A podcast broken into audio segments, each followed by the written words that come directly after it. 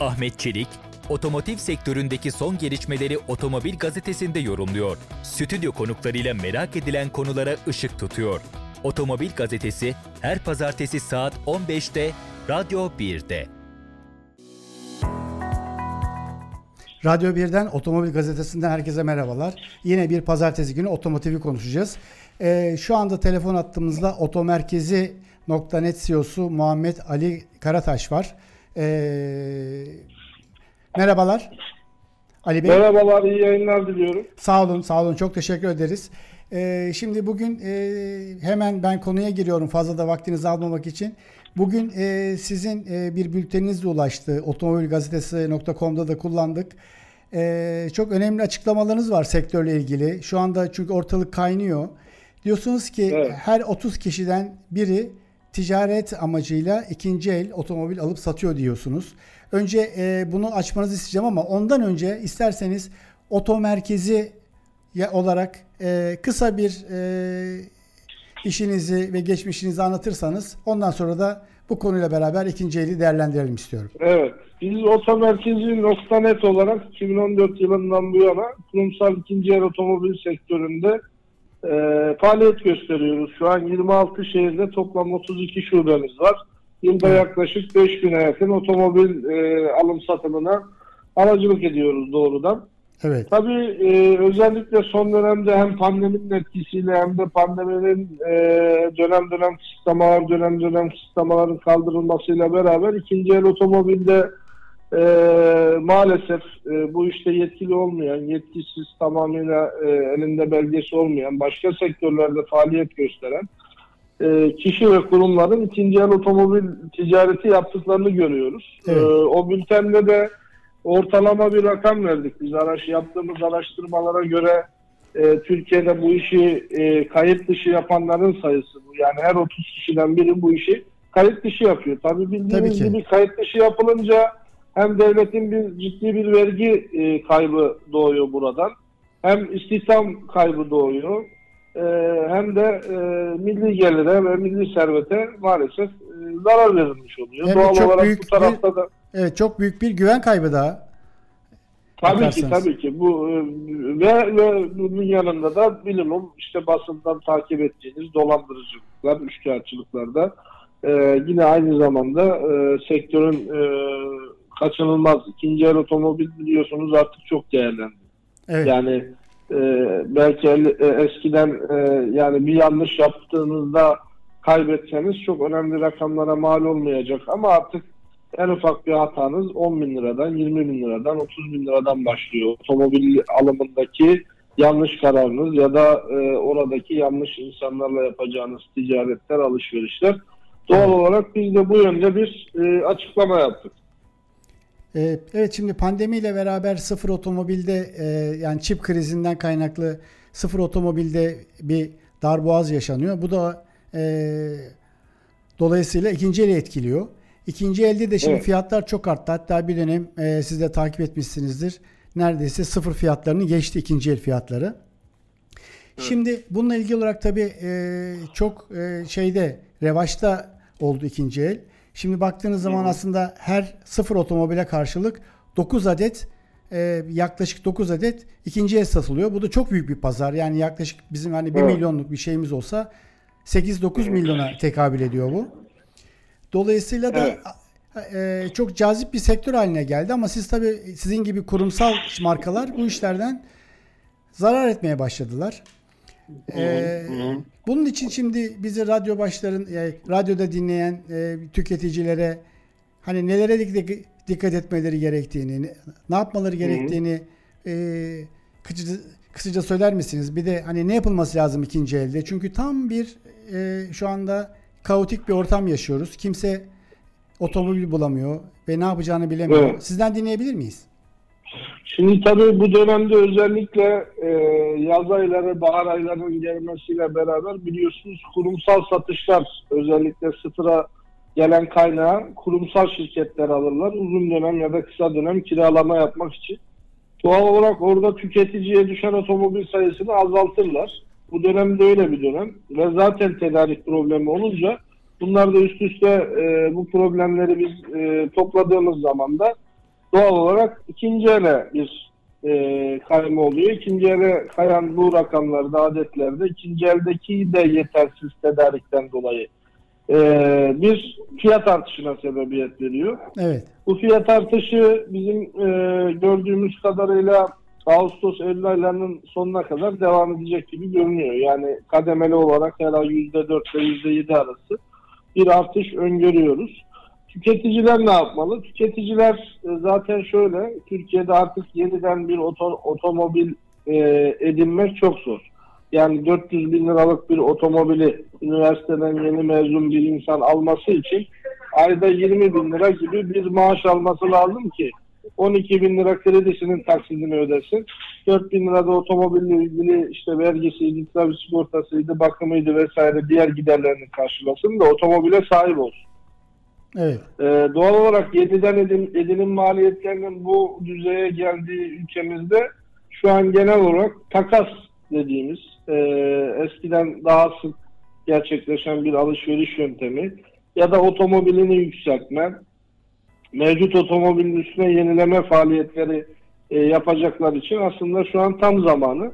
Çünkü X çarpan bir fiyat artışı olduğu için ne kadar pahası, değeri yüksek otomobil alırsanız o kadar değeri ileriki dönemlerde de artacak. E, bu e, çarpandan dolayı da insanların otomobillerini yenilemeleri için doğru bir dönem olarak görüyorum. Evet. Ee, şimdi yılbaşından bu zamana kadar kur ve e, kurdan kaynaklı ya da e, içinde bulunduğumuz ekonomik şartlardan dolayı e, fiyatlar hayli arttı. Siz diyorsunuz ki iki, ikinci elde fiyatlar %20-25 bandında arttı diyorsunuz. Bu yıl sonuna kadar hı hı. daha ne kadar daha bir artış gösterebilir? Var mı bu konudaki bir öngörünüz? Az evvel de bahsettiğim gibi %3 ile 7 arası aylık artışlar devam edecektir. Bu nerede evet. durur? Bu bir kurun kurun kurun stabil pozisyona gelmesi, iki de yeni ÖTV dilim masa açıklanması, düzenlenmesiyle durur. Her ikisinden birisi olmazsa bu artış durmaz, devam eder. Evet. Yani gerçi... bunun bir mevsimi yok. Ee, örnek veriyorum ne zaman kur artar 18 olur. Matrah düzenlenir. Otomobil fiyatı dengelenir. Veya devlet başka bir hamle yapar. Matrah düzenlemesini ters yönde yaparsa fiyat da artar yani. Artmaya yine devam eder. Biz pozitif düşünüyoruz. Hani düşüreceği yönünde, geri geleceği yönünde düşündüğümüz için hep e, sosyal devlet ilkesi gereği doğal olarak e, bu iki e, konunun aslında gidişatı fiyatlarında e, doğrudan e, gideceği noktayı belirleyecek. Evet. E, şimdi geçen hafta Oyder Başkanı'nın da e, bir basın toplantısı vardı. Orada Hı. vergiyle ilgili bir düzenleme bekliyoruz diyor Oyder Başkanı da. Evet. Gerçi ODD de böyle bir beklenti içerisinde. Sizin böyle bir beklentiniz ya da e, böyle bir e, öngörünüz, umudunuz var mı? ÖTV matrahlarının e, düzenlenmesi konusunda. Mutlaka var. Mutlaka var. E, çünkü şöyle söyleyeyim size. Yani şu an en ucuz, en baz paket otomobil benzinli manuel grupta bir otomobil 350 bin lira. Evet, evet, evet. Ee, şimdi böyle giderse e, 500 bin liralara kadar çıkar yıl sonuna kadar. Biz önümüzdeki yıl orta segment bir otomobili ikinci el 1,5 milyon liraya binmeye başlarız. E, bu önü alınmaz bir noktaya gelir. Bu yüzden e, tabii devlet yetkililerinden hem kurun yani en, en önemlisi kuru stabilize, stabilize etmek. Kuru zaten evet. stabilize ederseniz vergiyle ilgili bir e, avantaj yaratmanıza gerek kalmaz. Doğal olarak onu e, koparınca oradaki e, gidişat farklı yöne gidince grafik değişince de mecburen e, vergiyle müdahale etmek zorunda kalıyorsunuz. E, durum bu. Tabii trafikteki otomobil sayısının da oldukça fazla olduğu ülkemizde vergi anlamında da çok fazla bir indirim gelmesini de beklememek lazım. Evet evet evet. Yani zaten e, bir, böyle bir beklenti var ama bu e, e, hiçbir zaman daha önceden açıklanmıyor biliyorsunuz. Ancak bir gece e, de açıklanıyor ama e, şey sektör şu anda çok rahatsız ve e, özellikle bu ekonomik şartlardan dolayı matrahlar çok yükseldi e, ve içinden çıkılmaz bir hale geldi. E, siz özellikle şimdi bu ilan sitelerindeki e, reklam verenlerin e, Bunlar galericiler olsun, tüketiciler olsun. Bir e, şey var ortada. Hani güvensiz bir ortam var. Siz de bu bültende e, haberinizde diyorsunuz ki manipülasyonlara dikkat edin diyorsunuz. Hı hı. Bu konuda yani ilan şimdi e, bütün her şey e, hani otomobil arama işi biliyorsunuz o hani ilan sitelerinden bakmak da oluyor. Satın almak hı. için de e, satmak için de. Orada tüketiciler nelere dikkat etmeleri lazım? O ilan siteleri çünkü e, çok şişirilmiş rakamlarla dolu. Orada tüketiciyi bulmak çok zor. E, daha çok bu işi alıp satan galericilerin olduğu e, söyleniyor. Sizin bu anlamda e, tüketicilere Ya yol bir, göstermek bir defa tabii bir defa şöyle en önemlisi e, ilan sitelerinde tarama yaparken satıcının kimliği, satıcının e, duruşu, kurumsal mı değil mi? Bireyselse ne kadar yıldır bireysel üyeliği devam ediyor, daha önce alışveriş yapmış mı o sitede, otomobil satmış mı, almış mı? Bunlarla ilgili verileri paylaşıyorlar. Bunlara bakmak lazım. Yani yeniden e, bugün e, sıfırdan doğan bir kullanıcı muhtemelen zaten e, farklı niyetlerle orada oluyor. Doğal olarak biraz e, satıcının geçmişini izlemek lazım. Evet evet zaten en önemli şey herhalde burada dönüyor dolaşıyor kurumsal şeye geliyor. Ee, Oyder Başkanı da aynı şeye dikkat et, e, çekti. Biz de de şey yapmak istiyoruz. Hani artık bayiler ikinci ele yönelmek durumundalar dedi. Sizin de işiniz bu arada Evet. Daha da Ya doğru şimdi sıfır bayilerde de tedarik gelmeyince plazaların ciddi masrafları var. Biliyorsunuz Kesin. enerji maliyetleri de arttı. evet evet Yani elektriğinden suyuna işte başka maliyetlerine ve orada da sonuçta çalışan ve oturan bir personel grubu var. Bu personel grubu e, netice itibariyle sıfır otomobil satmak için orada oturuyor ama e, Oyder Başkanı'nın da o haberde bahsettiği gibi yani o kadroları da aynı kadroyu aynı mekanı kullanıp e, ikinci eli de Evet, biz evet. orada yapmak istiyoruz. O da zaten gayet doğal ama tabii ikinci el şu an başlı başına bir operasyon oldu.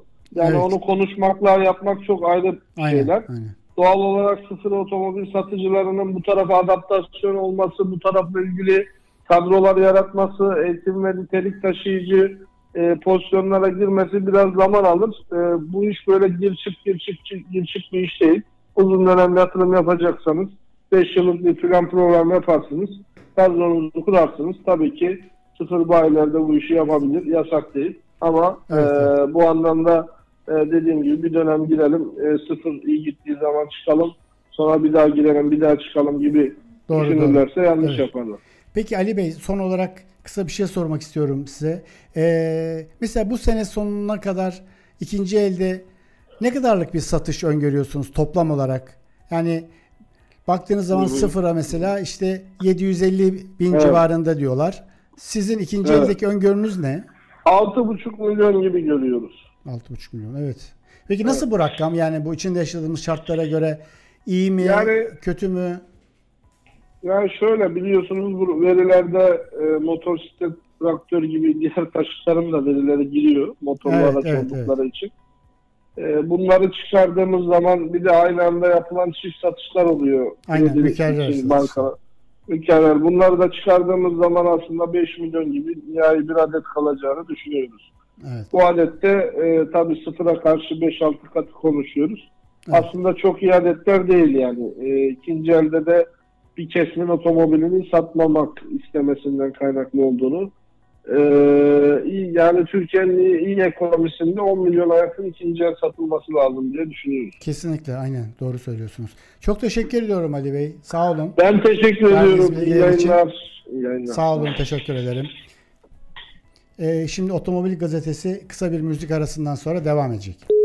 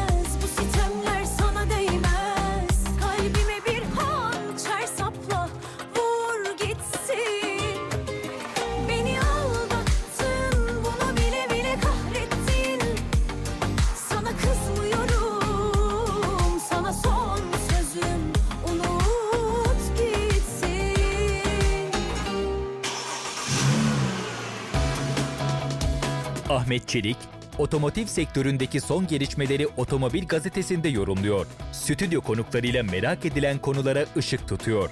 Otomobil Gazetesi her pazartesi saat 15'te Radyo 1'de. Radyo 1'de Otomobil Gazetesi programıyla devam ediyoruz. Ee, şimdi e, konuğumuz Otomotiv Satış Sonrası Ürün ve Hizmetleri Derneği Yönetim Kurulu Başkanı Ziya Özalp. Ziya Bey merhabalar. Merhabalar, iyi yayınlar diliyorum. Sağ olun. Çok teşekkür ederim öncelikle katılımınız için. Ben teşekkür ederim, sağ olun. Ee, şimdi e, önce sizin e, bu derneğinizden bir söz eder misiniz? Ne yapıyorsunuz? Tabii ki. Ee, sektör için ne gibi faaliyetlerde bulunuyorsunuz? Tabii ki, tabii ki. Ee, özellikle Otomotiv Satış Sonrası Ürün ve Hizmetleri Derneği e, biraz daha adı üstünde aracın satışından sonraki e, tüm e, pazardaki bakım, onarım, yedek parçayı dahil eden tüm aktiviteleri kapsayan e, bir yapı. Yaklaşık e, Türkiye pazarı da 5 milyar doların üzerinde bir pazar. E, bu pazarın e, 250 üyesiyle %80'ini e, biz kapsıyoruz. E, bu anlamda e, aslında rakamsal anlamda Türkiye ekonomisi için çok önemli bir e, pazar payına sahip ve pazar rakamlarına sahip. E, ama otomotiv satış sonrası e, dediğimiz zaman sadece Türkiye'deki değil, dünyadaki pazarda da Türkiye olarak önemli bir oyuncuyuz. Derneğimiz tarafına baktığımız zaman bizim hem dağıtıcı, yedek parça dağıtan üyelerimiz, hem ise yedek parça üreten üyelerimiz var. E, üretici dediğimiz. E, üretim tarafında e, pazarın yaklaşık e, sadece Türkiye pazarına değil yani paz- hemen hemen e, üretim kapasitelerinin %50'sinden fazlasının ihracat olduğunu söyleyebilirim. Evet, E, evet. E, geri kalan kısmı da e, iç pazar olarak adlandırılmakta. E, bu anlamda e, biz de dernek olarak e, araç sahiplerinin e,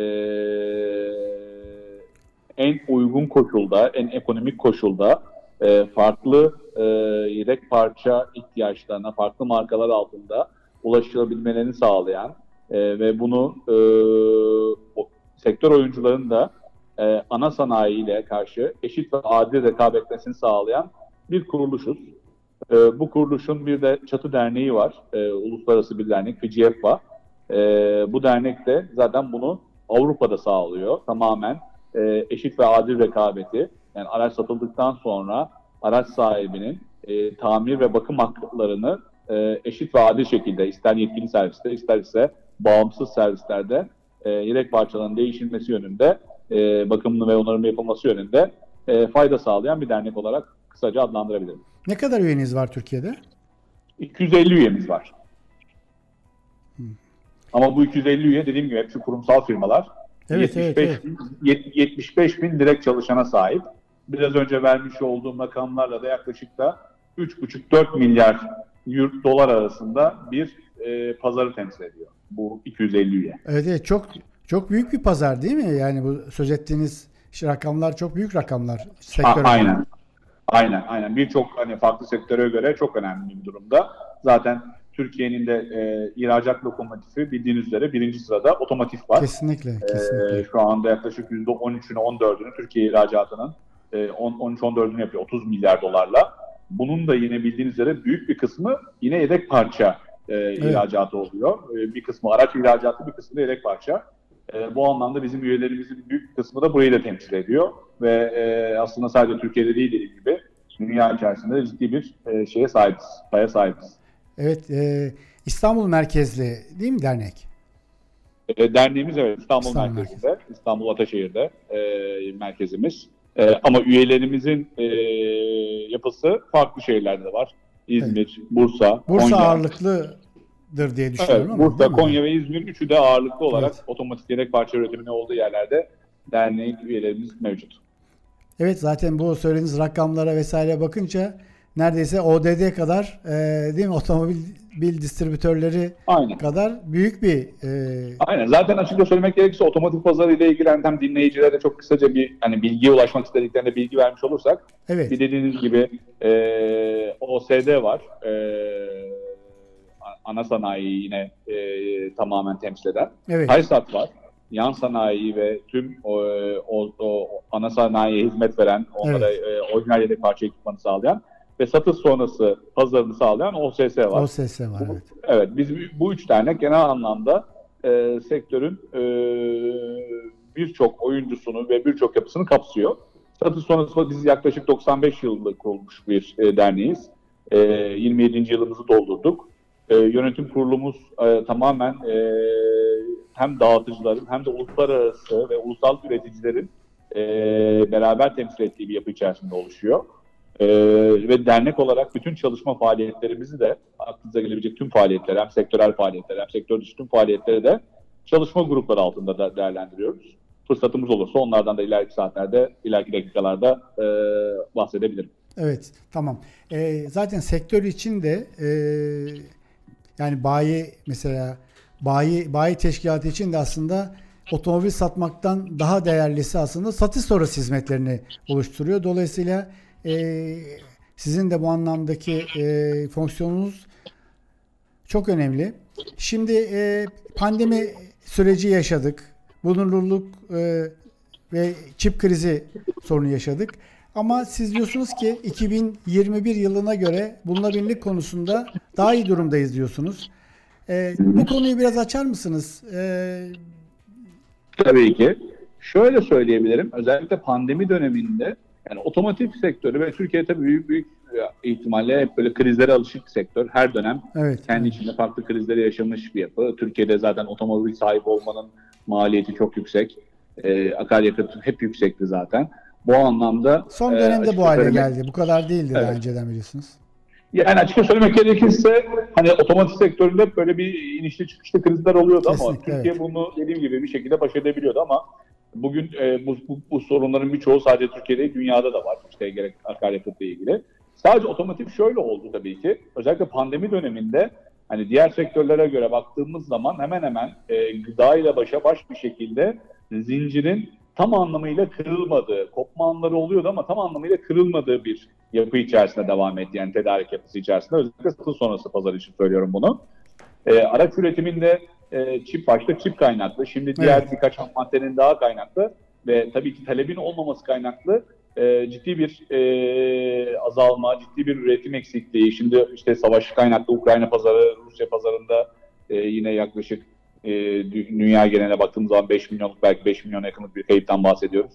Ama bugün baktığımız zaman e, satış sonrası pazarı e, bununla birebir bu şekilde etkilenmiyor. Bilakis araç maliyetlerinin artması, aracın bulunabilirliğinin azalması eldeki araçların e, kıymetini daha da çok arttırıyor. E, bu anlamda da araç sahipleri e, hem araçlarına biraz daha fazla bakmak e, durumunda kalıyor hem de e, bugün e, gerek yedek parça maliyeti, gerek, gerek onarım maliyetinin e, aslında aracın maliyetine göre çok yükselmediğini öngörüyoruz. E, bugün en kötü aracın işte e, 400 bin lira, 500 bin liralar seviyesinde olduğunu öngördüğümüz zaman bile araç bakım maliyetleri, yedek parça maliyetleri çok e, cüzi kalıyor bu anlamda. Onun için e, pazarın e, hiçbir zaman bir kopma noktasına gelmediği gibi mobilitenin arttığı en yoğun dönemlerde yani özellikle bu kapanma dönemlerinden sonraki hemen dönemlerde e, bireysel araçlanmanın çok arttığı dönemlerde e, biz e, o e, boşluktaki kayıplarımızı, satış kayıplarımızı çok hızlı bir şekilde kapatmıştık 2019 ve Evet. 2020 senesinde. 2021 senesinde ise, e, pardon 2020 ve 2021 senesinde, 2022 senesinde ise esasında yedek parça tarafında ciddi bir boşluklar doğmuştu e, 2022'ye girerken. Hani Evet. bazı ürünlerin e, özellikle yurt dışından gelen ürünlerin e, bununla birlikte sıkıntılar yaşıyorduk ama özellikle e, da, dağıtıcı organizasyonlarımızın e, kurumsal oluyor olması, organizasyonlarını hani e, talebin bu yönde yönetilmesi yönünde e, lojistik operasyonlarını, ekiplerini, e, envanterlerini çok doğru bir şekilde kurgulaması ve satış sonrası pazarın en büyük zenginliği olan çeşitli markalar, yani tek bir marka üzerine değil, Evet. Bugün evet. bir araç aldığınız zaman araç markasına hitap ediyorsunuz ama bizler işte herhangi bir balatayı, debriyajı, biliteyi birden çok marka altında sunabiliyoruz ki burada Türkiye'deki yedek parça üreticilerinde çok büyük önemi var ve e, faydası var. Kesinlikle. E, ve bunların da devreye girmesiyle beraber e, bu pazarda e, çok büyük bir e, boşluk yaratmadan hem de e, yaşanan bu enflasyonist ortama karşı da alternatifler üreterek belki de işte birebir ya da bire iki gibi, bire üç gibi neredeyse e, maliyetlerin artışı ya olduğu yerde daha e, makul seviyelerde geçişler yapıldı. Bütün bunlara rağmen tabii ki maliyetler çok arttı. Yani geçen sene e, 10 liraya sattığımız bir parçayı bugün 20 liraya satmak durumundayız Aynen. ama Aynen. Hani e, bu buna rağmen e, daha yüksek olabilirdi ve bütün bunların hepsi e, dediğim gibi e, talebin e, doğru bir şekilde yönetilmesiyle oldu. 2022'de dediğim gibi girdiğimiz zaman e, bu ivmenin gene iyi yönde olduğunu düşünüyoruz ki açıkça söylemek gerekirse mobilitede şöyle bir durum oldu. Gerek yakıt fiyatlarının artıyor olması, gerekse e, hava yolu e, tercihinin tekrar başlamış olması. E, çünkü biliyorsunuz iki senedir insanlar özellikle uzak mesafelere dair araçlarıyla gidiyordu ama şimdi tekrar e, hava yolunda e, e, eski duruma gelindi. İnsanlar yine e, uçakla daha çok hareket etmeye başladı Evet, şehirler evet. arasında.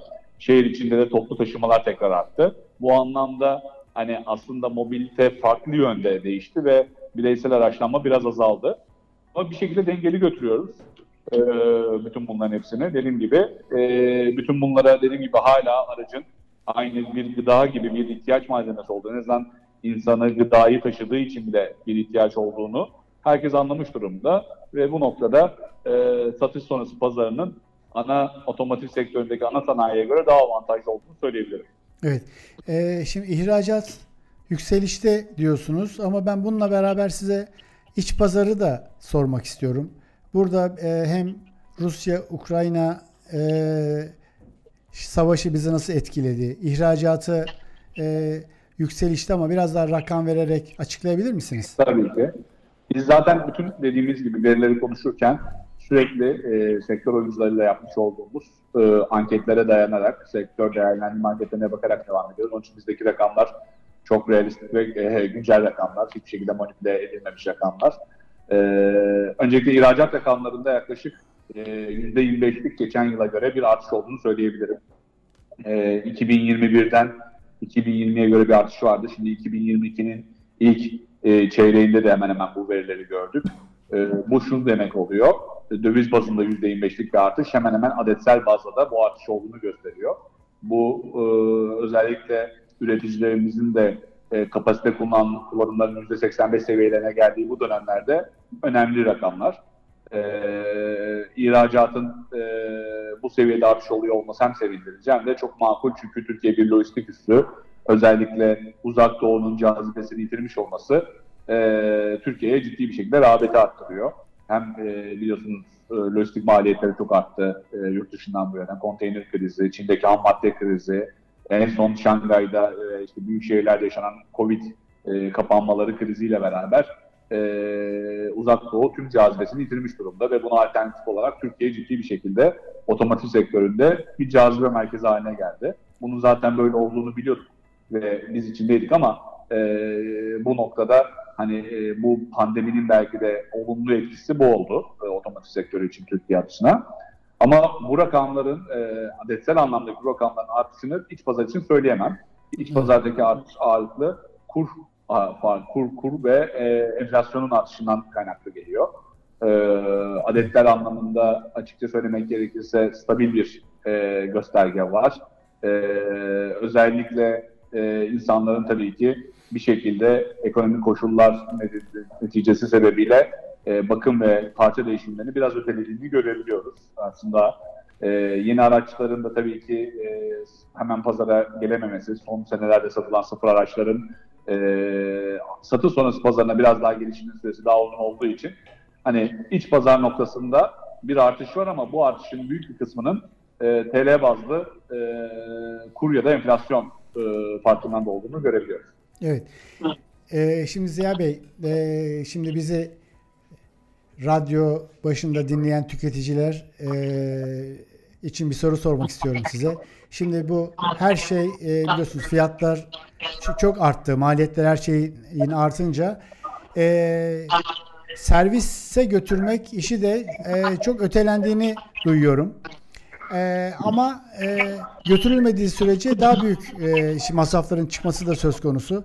Siz bu anlamda tüketicilere ne ne öneriyorsunuz? Yani bu araç bakımlarının yaptırılmasında e, bunu ötelemenin e, hiçbir faydası yok bence ama bunu bir sizden dinleyebilir miyiz? Tabii ki. Bence pandemi bize şunu gösterdi. Hayatımızdaki özgürlük alanlarımızda e, e, mobiliteyi sağlayan, bizi bir noktadan bir yere götüren ve bunu en güvenli, en sağlıklı yapan şeyin gerçekten de e, özellikle kişisel araç sahiplerinin e, bunun farkında olduğunu gördük. Evet. Ee, bunun bir yatırım aracına dönüşmesi ekonomik bir sebep. Yani ben hani Aynen, eskiden aynen. bir ara- araç, evet, bir araç alıp bunu şey yapması ekonomik sebep. Bunun ben geçici olduğuna inanıyorum. Şu anda biraz bulunamamakla alakalı. Birazcık dediğim gibi e, bu işle ilgili e, biraz menfaatle alakalı ama araç gerçekten de e, pahalı bir e, yatırım aracı oldu. E, ama e, satı- bakımına geldiğimiz zaman açıkça söylemek gerekirse aracı alırken düşünülen kadar bakımın konusunda düşünülmüyor maalesef. E, bu noktada araç aslında biz bazen telefona benzetiyoruz. Evet diyoruz ki araçta işte elektrik araca geçiyor, Evet. geçiyor ama neye benzerse araç bir A noktasından B noktasına götüren bir noktada. Bugün 30 yıllık da bir araç olsa ki bunların birçoğu tedaviden kalktı ama hala biliyorsunuz kırsalda çok fazla kullanılıyor.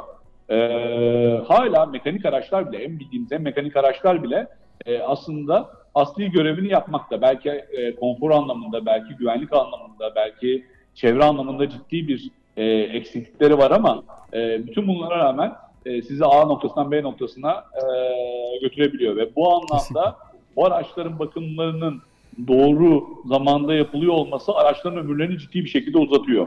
Ee, ve bence e, dediğim gibi bakım satış sonrasının pazarına baktığımız zaman gerek bakımda gerek onarımda gerek yedek parçada o kadar güzel alternatifler var ki bugün internet dünyasında gelişmesiyle beraber insanlar zaten bütün bu bilgilere de çok hızlı bir şekilde ulaşabiliyorlar farklı Evet. markalara, farklı ürünlere.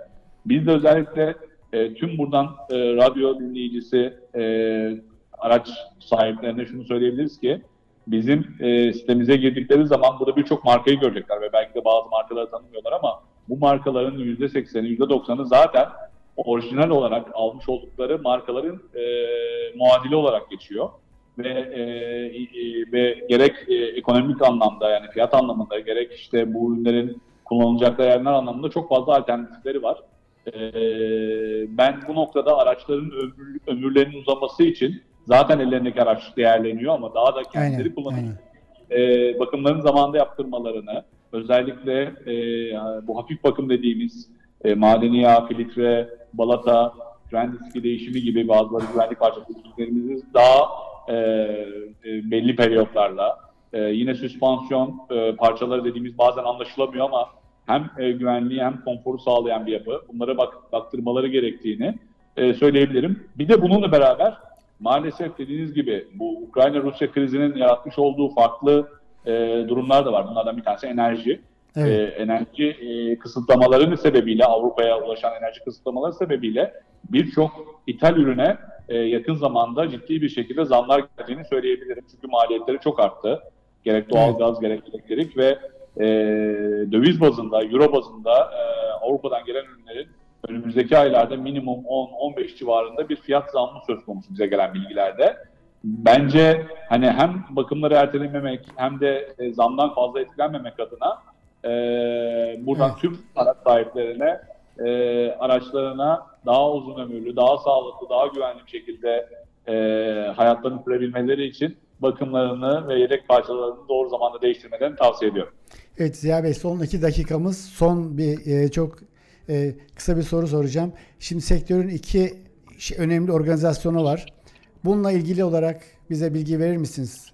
E, Evet aslında bu iki organizasyon da e, sürekli yaptığımız zaman pandemiden dolayı e, çok da fazla e, eskisi gibi olamayan organizasyonlardı. Evet, evet. Şimdi e, özellikle ilk organizasyonumuz önümüzdeki hafta olacak. E, Aftermarket konferansı diye geçiyor. Evet. Satış sonrası pazarının e, sektörümüzdeki tanımı biraz daha aftermarket olarak geçtiği için İngilizce bir tanım. E, 12.si düzenlenecek. OSS'nin e, TAYSAT ve OİP işbirliğiyle beraber düzenlediği bu konferansta biraz daha bu B2B yani esasında sektörel oyunculara yönelik bir organizasyon ama uluslararası çok önemli konuşmacıların, konuların konuşulacağı, yine e, uluslararası çok önemli te- e, satın almacıların geleceği bir yapı olacak. Bu Türkiye için çok önemli. Belki yatırım yapmaya gelecekler bir kısmı. Evet. Bu anlamda e, çok ilgi çeken bir organizasyon. Ama hem e, profesyonel e, kişilerin hem de son kullanıcıların ziyaret edeceği 2-5 Haziran'da Evet. e, Otomekanika İstanbul Fuarı var. Otomekanikalar arasında zaten dünyanın en önemli fuarı e, otomekanikalar arasında İstanbul Fuarı. Otomekanika İstanbul e, Şangay ile beraber en fazla e, katılım ve ziyaretçi alan fuar. E, bu anlamda e, yine birçok e, dünyanın her yerinden bu sefer sadece Avrupa'dan değil e, birçok kıtadan e, hem e, satın almacının hem ziyaretçinin e, geleceği birçok e, yerli e, tedarikçimizin, üreticimizin, dağıtıcımızın hazır bulunacağı e, belki de Türkiye'nin en önemli fuarlarından bir tanesi. Evet. Bugün e, gerek araç e, fuarlarını yani otoşovları gerek işte motosiklet fuarlarını çok çok daha üzerinde bir katılım ve ilgi alanı olan bir fuar. O anlamda yine 2-5 Haziran'da e, Beylikdüzü TÜYAP fuarında yine tüm e, araç sahiplerini, meraklıları bekliyoruz. Biz de orada olacağız. Çok teşekkür ediyorum Ziya Bey. Değerli zamanınızı verdiniz, değerli bilgiler verdiniz. Ben çok teşekkür ederim. E, sizlere iyi yayınlar Sağ diliyorum. olun. Sizleri fuara bekliyoruz. Görüşmek üzere. Sağ olun. Görüşmek üzere. Evet, Otomobil Gazetesi kısa bir müzik arasının ardından devam edecek. Karşıdan bakınca gözüküyor? Görünüyorum.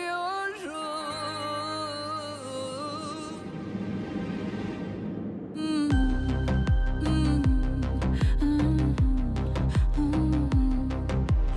Biraz soğuk, biraz uzak, biraz alaycı, biraz tuzak. Sadece bir tık yaklaşsan yanıma bir tık, bir tık, bir tık. Kalbimin atışına bir tık. Bıraksan kendini akşama bir tık. Tadından yenmez aşkıma bir tık bir tık. Ne kaçırdığını bir sen ölürdün Ateşe yanına yak yürürdün. Gözün hiçbir şey görmezdi. Rengime bürünürdün. Ah bir bilsen ölürdün Ateşe yanına yak yürürdün. Gözün hiç kimseyi görmezdi. Rengime bürünürdün. Gerisini sormayacağım Yaşamaksa yaşayacağım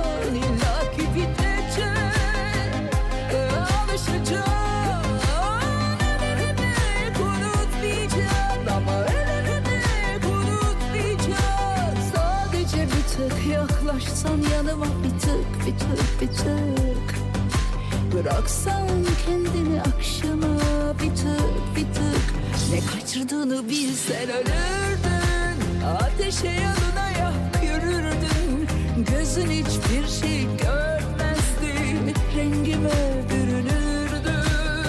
Ah bir bilsen ölürdün. Ateşe yanına yüzün hiç kimse görmezdi Rengime bürünürdün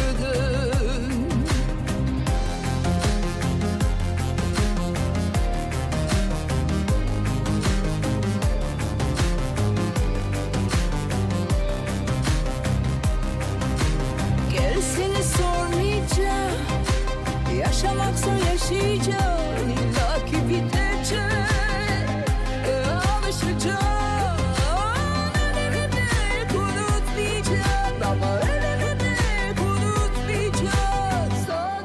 Sadece bir tık yaklaşsan yanıma bir tık bir tık bir tık. Gözden kızgın sıcağıma bir tık. Bıraksan kendini akşama bir tık bir tık. Ne kaçırdığını bilsen ölürdün. Ateşe yanına yak yürürdün. Gözün hiçbir şey görmezdi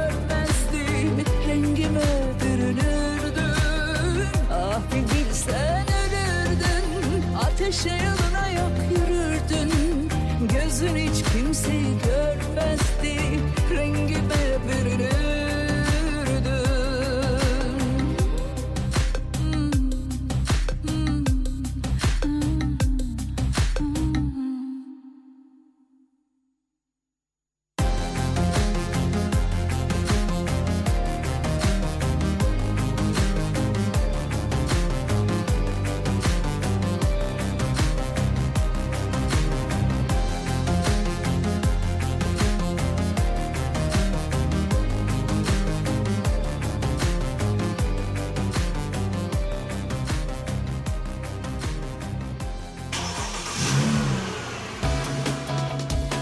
Ahmet Çelik, otomotiv sektöründeki son gelişmeleri Otomobil Gazetesi'nde yorumluyor. Stüdyo konuklarıyla merak edilen konulara ışık tutuyor.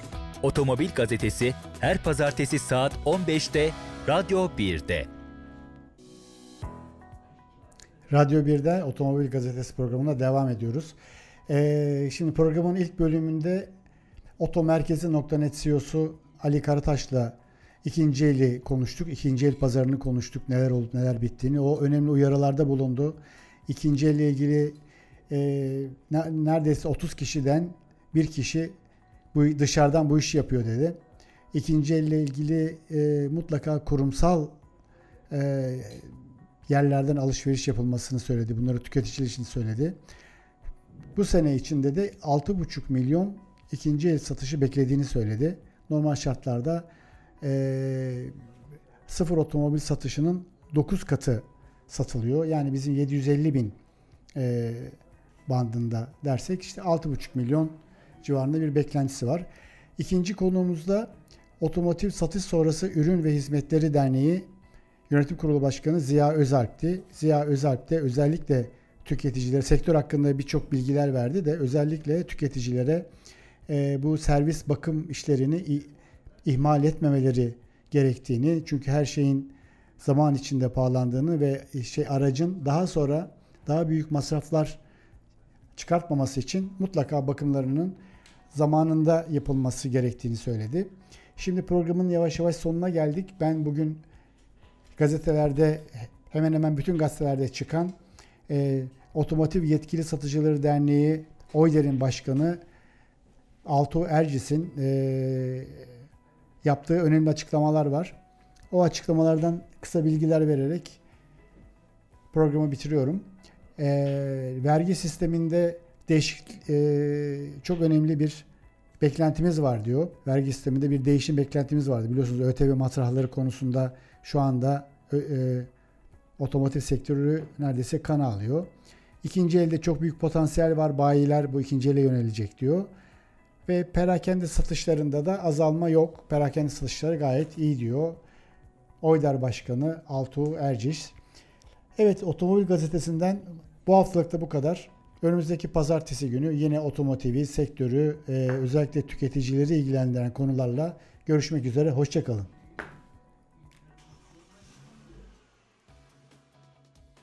Ahmet Çelik, otomotiv sektöründeki son gelişmeleri Otomobil Gazetesi'nde yorumluyor. Stüdyo konuklarıyla merak edilen konulara ışık tutuyor. Otomobil Gazetesi her pazartesi saat 15'te Radyo 1'de.